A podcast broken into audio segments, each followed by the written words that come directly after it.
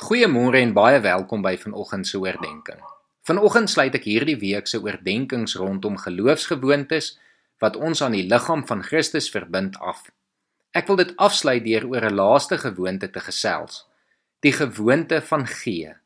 Om te gee is iets waaroor Jesus gereeld gepraat het, partykeer in onverwagte maniere. Soos wanneer hy sê die weduwee wat baie meer as enigiemand anders gegee het, omdat sy uit haar armoede gegee het terwyl die res uit oorvloed gegee het. Hier leer hy sy disippels hoeveelheid maak nie altyd saak nie, maar die beginsel van gee wel.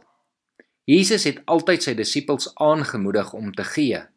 In Lukas 6 lees ons byvoorbeeld: Wees barmhartig soos julle Vader barmhartig is. Gee en vir julle sal gegee word.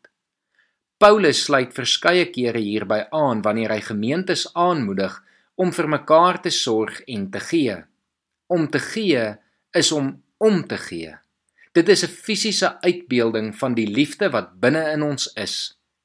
Een van die beste visuele verduidelikings van gee vind ons in Matteus 25 vanaf vers 34 tot en met 40. Dan sal die koning vir die aan sy regterhand sê: Julle geseëndes van my Vader, kom beerf die koninkryk wat vir julle gereed gemaak is van die grondlegging van die wêreld af. Want ek was honger en julle het vir my iets te eet gegee. Ek was dors en julle het vir my iets te drink gegee. Ek was 'n vreemdeling en julle het my as 'n gas verwelkom. Ek was nakend en julle het my geklee. Ek was siek en julle het my versorg. Ek was in die tronk en julle het my besoek. Dan sal die regverdiges hom antwoord: Here, wanneer het ons u honger gesien en u gevoed, of dors en u iets te drinke gegee? En wanneer het ons u as 'n vreemdeling gesien en as gas verwelkom, of nakend en u geklee? En wanneer het ons u siek of in die tronk gesien en u besoek?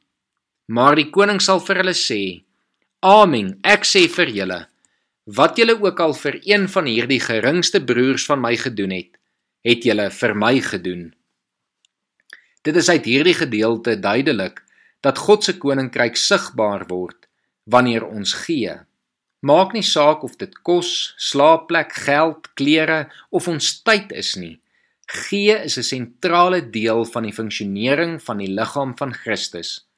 Daarom wil ek jou vanoggend aanmoedig om aan te hou gee of om te begin gee waar jy kan vir wie jy kan. Onthou, hoeveelhede maak nie altyd soveel saak nie, maar die beginsel en die gewoonte van gee wel. Ons moet ook onthou dat as ons gee, gee ons omdat ons ontvang het.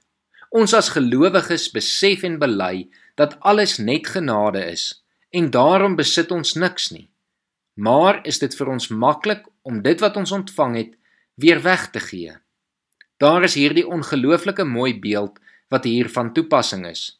Dit wat ons ontvang, kom soos 'n stroom, soos 'n rivier water na ons toe. Maar ons moet nooit probeer om 'n dam te bou en die water wat na ander moet vloei, so te stop nie. Mag dit vandag vir jou lekker wees om te gee omdat jy ontvang het. Mag jy gee omdat jy omgee en ander liefhet. Kom ons bid saam. Here, dankie vir hierdie week se oordeenkings.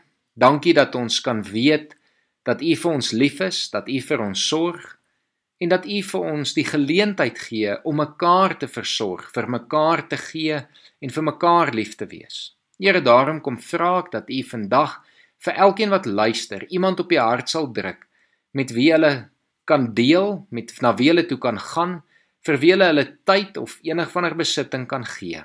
En Here, mag ons so U liggaam opbou in liefde. Ons bid dit in Jesus Christus se naam alleen. Amen.